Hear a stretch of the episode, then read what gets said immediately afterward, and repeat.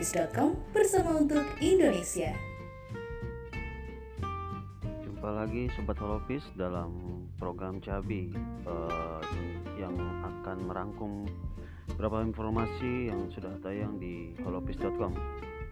Untuk informasi pertama, Menteri Dalam Negeri Tito Karnavian mendorong agar pemerintah daerah Pemda melakukan percepatan vaksinasi yang fokus pada tiga sasaran, pertama, percepatan vaksin dosis ketiga atau booster, kedua vaksinasi anak dan lansia.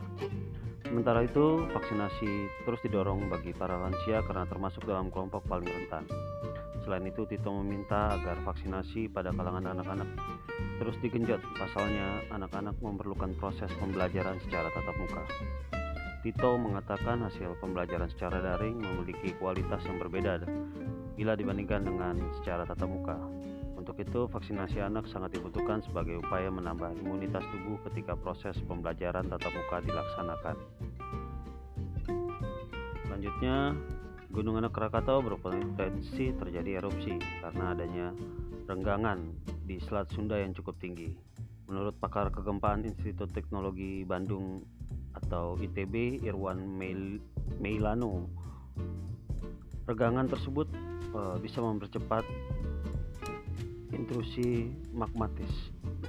Bahkan bahkan dari data citra satelit tahun 2018 memperlihatkan Gunung Anak Krakatau terus mengalami inflasi atau penaikan permukaan tanah hingga saat ini. Irwan juga mengatakan survei yang dilakukan pada tahun 2006 sampai 2012 menunjukkan adanya regangan di Selat Sunda. Survei kembali dilakukan dalam periode 2012 sampai 2019 menunjukkan regangan semakin membesar. Adanya regangan itu membuat jarak antara Pulau Sumatera dan Pulau Jawa semakin jauh. Selain itu, kemungkinan ada implikasi terhadap aktivitas tektonik terkait sesar dan vulkanik di Selat Sunda. Implikasi dari regangan tektonik dari pemodelan yang dilakukan dengan menghitung besar konvergensi yang berdasarkan survei terjadi hanya pada lokasi yang paling dangkal dan sangat dekat dengan Selat Sunda. Dari hasil pemodelan ada retakan tektonik pada bidang kontak antar lempeng yang sangat dek, yang sangat dekat dengan Selat Sunda. Sumber gempa di Selat Sunda berada pada bagian yang paling dangkal sehingga berpotensi menghasilkan gempa dan tsunami. Survei juga menunjukkan masuknya masuknya sesar Sumatera ke Selat Sunda yang dapat berimplikasi jika terjadi gempa bisa berpotensi tsunami sehingga gempa bermagnitudo 6,6 di Pandeglang pada Jumat 14 Januari 2022 lalu menjadi peringatan untuk peningkatan kewaspadaan, kesiapsiagaan dan mitigasi terhadap bencana gempa bumi dan tsunami. Uh, informasi selanjutnya, Kepala Bidang Hubungan Masyarakat Kabit Humas Polda Kalimantan Timur Kombes Pol Yusuf Sutejo membenarkan bahwa supir truk tronton maut di Balikpapan telah ditetapkan sebagai tersangka. Penetapan tersangka ini dilakukan pasca dilakukan pemeriksaan intensif di Mapolres Balikpapan. Maksud kami di Mapolresta Balikpapan. Berdasarkan penjelasan sang supir dan fakta-fakta lainnya, polisi langsung menetapkan status hukum sang supir tersebut. Dan saat ini supir truk tronton bernomor bernomor polisi KT8534AJ dengan nama Muhammad Ali berusia 48 tahun mendekam di Mapolresta Balikpapan sambil menunggu proses hukum lebih lanjut. Yusuf kemudian uh, menjelaskan tersangka ini ter, uh, supir truk ini terjerat uh, pasal 310 Undang-Undang Nomor 22 tahun 2019 tentang lalu lintas dan angkutan jalan Raya Junto Pasal 359 KUHP. Demikian beberapa rangkuman e, berita yang atau informasi yang dapat kami sampaikan bersama saya Ronald Petrus. Halopis.com bersama untuk Indonesia. Halo Sobat Halopis, jumpa lagi bersama saya Brenda Iskarina seperti biasa di Cabi Baca Berita. Kabar pertama, kita bahas dulu Omikron di Indonesia. Pasien konfirmasi Omikron saat ini bisa melakukan isolasi mandiri di rumah. Tetapi tidak semua pasien konfirmasi Omikron bisa melakukan isoman karena ada sejumlah syarat yang harus diperhatikan. Ketentuan tersebut tercantum dalam Surat Edaran Menteri Kesehatan Republik Indonesia. Sebelumnya, Menteri Kesehatan Budi Gunadi Sadikin mengeluarkan surat edaran mengenai pencegahan dan pengendalian kasus COVID-19. Dalam isinya terdapat ketentuan yang menyatakan bahwa seluruh kasus probable dan konfirmasi varian Omikron baik yang bergejala maupun tidak bergejala harus dilakukan isolasi di rumah sakit yang menyelenggarakan pelayanan COVID-19. Berdasarkan beberapa studi awal di Denmark, Afrika Selatan, Kanada, Inggris, dan Amerika Serikat, saat ini menunjukkan bahwa risiko perawatan di rumah sakit lebih rendah dibandingkan varian Delta. Isolasi mandiri di rumah pun ada syarat-syaratnya seperti pasien harus dapat tinggal di kamar terpisah. Lebih baik lagi jika lantai dapat terpisah atau kamar mandi yang berada di kamar pasien. Kita lanjut ke kabar berikutnya yang terbaru dari harga minyak goreng. Mabes Polri menyiapkan langkah mengantisipasi ulah oknum yang melakukan penimbunan menyusul diluncurkannya kemasan minyak goreng dengan harga Rp14.000 per liter. Karopenmas Divisi Humas Polri Brigjen Pol Ahmad Ramadan mengungkapkan bahwa Polri akan membentuk tim monitoring ke wilayah. Monitoring dilakukan untuk menghindari aksi borong dan juga penimbunan. Ahmad juga mengatakan pihaknya berkoordinasi dengan sejumlah instansi. Koordinasi itu untuk mengeluarkan peraturan pembatasan setiap pembelian minyak goreng maksimal 2 liter. Tak ketinggalan, Ahmad menyebut bahwa pihak yang melakukan penimbunan akan terjerat pasal 107 Undang-Undang Nomor 7 Tahun 2014 mengenai penimbunan. Kita lanjut ke kabar berikutnya mengenai ibu kota negara. Ketua DPRD DKI Jakarta Prasetyo Edi Marsudi memiliki harapan Jakarta ke depannya dapat menjadi pusat bisnis seperti New York. Setelah pemerintah resmi mengesahkan Undang-Undang Ibu Kota Negara atau RUU IKN. Undang-Undang Ibu Kota Negara baru tersebut menjadi payung hukum pemindahan ibu kota negara dari Jakarta ke wilayah Kalimantan Timur yang bernama Nusantara. Menurut Prasetyo, banyak negara hebat yang berhasil memisahkan antara kota yang akan dijadikan pusat pemerintahan dan pusat bisnis hingga akhirnya dapat fokus melaksanakan pembangunan. Selain New York, ia juga mencontohkan Turki yang telah memindahkan fokus pemerintahannya ke kota Ankara dari Istanbul. Prasetyo juga menambahkan, perpindahan ibu kota sama dengan mengurangi beban Jakarta yang menyandang sebagai pusat pemerintahan sekaligus pusat perekonomian.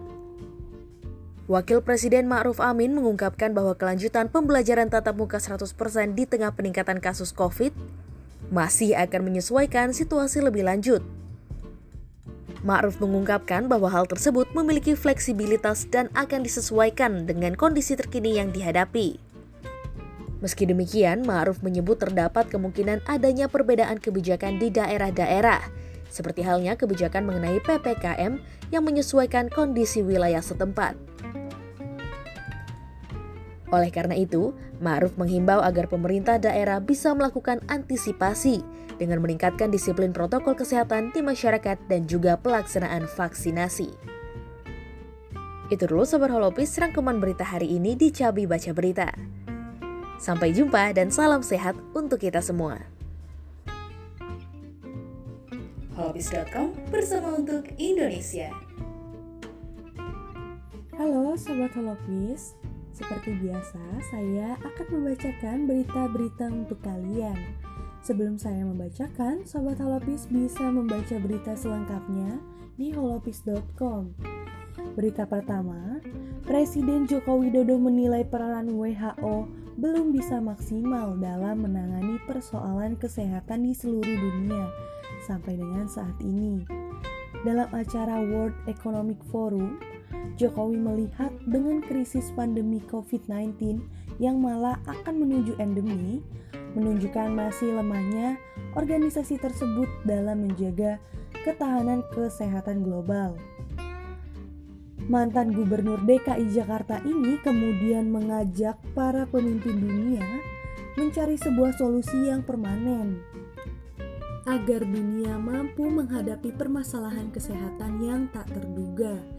Sistem kerjasama yang dibangun nantinya diharapkan antara lain untuk pembiayaan darurat kesehatan dunia, pembelian vaksin, pembelian obat-obatan, pembelian alat kesehatan, kemudian juga merumuskan standar protokol kesehatan global yang antara lain mengatur perjalanan lintas batas negara agar standar protokol kesehatan di semua negara bisa sama, memperdayakan negara berkembang dalam hal kapasitas manufaktur lokal, antara antara lain pengelolaan hak paten, akses terhadap teknologi, investasi produksi alat kesehatan, dan obat-obatan. Untuk itu, dalam menjalankan rencana tersebut, Jokowi mengaku dibutuhkan pembiayaan bersama untuk arsitektur baru sistem ketahanan kesehatan dunia tersebut. Mantan wali kota Solo ini kemudian berharap negara-negara maju tak keberatan untuk mendukung inisiatif bersama ini. Lalu, berita selanjutnya, Menteri Pertahanan Prabowo Subianto memastikan pengadaan pesawat tempur yang akan dipesan dari Perancis dan beberapa negara lainnya masih akan terus berlanjut. Pengadaan pesawat tersebut mulai dari pesawat F-15 sampai dengan pesawat Dassault Rafale buatan Perancis yang saat ini masih dalam tahap persiapan. Prabowo menambahkan, tahapan untuk pengadaan F-15 masih sebatas negosiasi, tak seperti pengadaan Rafale yang sudah sejauh ini lebih jauh progresnya. Mengenai pembelian F-15, Prabowo sendiri diketahui sudah beberapa kali melakukan pertemuan dengan Amerika Serikat untuk membahas hal tersebut. Terakhir, Prabowo sudah bertemu dengan Menteri Pertahanan Amerika Serikat untuk memperkuat kerjasama pertahanan antar kedua negara tersebut, termasuk rencana pembelian pesawat tempur. Sementara itu, Kepala Staf Angkatan Udara Marsikal Fajar Prasetyo mengungkapkan tipe jet tempur yang akan dipilih oleh Indonesia kemungkinan besar adalah Dassault Rafale asal Prancis dan F-5IX dari Amerika Serikat. Pilihan ini merujuk pada kebutuhan jet tempur yang masuk kategori kategori generasi 4,5. Maka dari itu, Fajar menyebutkan pilihan penambahan alutsista TNI AU mengarah pada dua jenis jet tempur tersebut. Berita selanjutnya, Komisi Pemberantasan Korupsi atau KPK menetapkan Hakim Pengadilan Negeri Surabaya, Itong Isnaini Hidayat, sebagai tersangka kasus dugaan suap pengurus perkara di PN Surabaya, Jawa Timur. Selain Itong, lembaga KPK ini juga menjerat dua tersangka lainnya, yakni Panitera pengganti PN Surabaya, Hamdan serta Hendro Kasino, selaku pengacara dan kuasa hukum dari PT Soyugiri Primedika. Mereka bertiga dijerat usai terjadi operasi tangkap tangan atau OTT tim penindakan KPK. Pada tanggal 19 Januari lalu, kasus ini bermula saat Hendro mengajukan permohonan pembubaran PT SGP. Permohonan ini disidangkan oleh Itong selaku hakim tunggal. Demi permohonannya dikabulkan, Hendro menjanjikan uang sebesar 1,3 miliar kepada Itong. Sebagai langkah awal realisasi komitmen fee tersebut, Hendro menemukan Hamdan dan meminta agar hakim memutuskan sesuai keinginan Hendro. Putusan yang diinginkan oleh Hendro di antaranya agar PT SGP dinyatakan dibubarkan dengan nilai aset yang bisa dibagikan sejumlah 50 miliar. Hamdan menyampaikan keinginan Hendro tersebut kepada Itong yang kemudian bersedia dengan adanya imbalan jumlah uang tersebut. Itu dulu rangkuman berita yang bisa saya sampaikan untuk Sobat Holopis. Jangan lupa untuk selalu baca berita selengkapnya di holopis.com. Saya Daraulia pamit undur diri. Holopis.com bersama untuk Indonesia.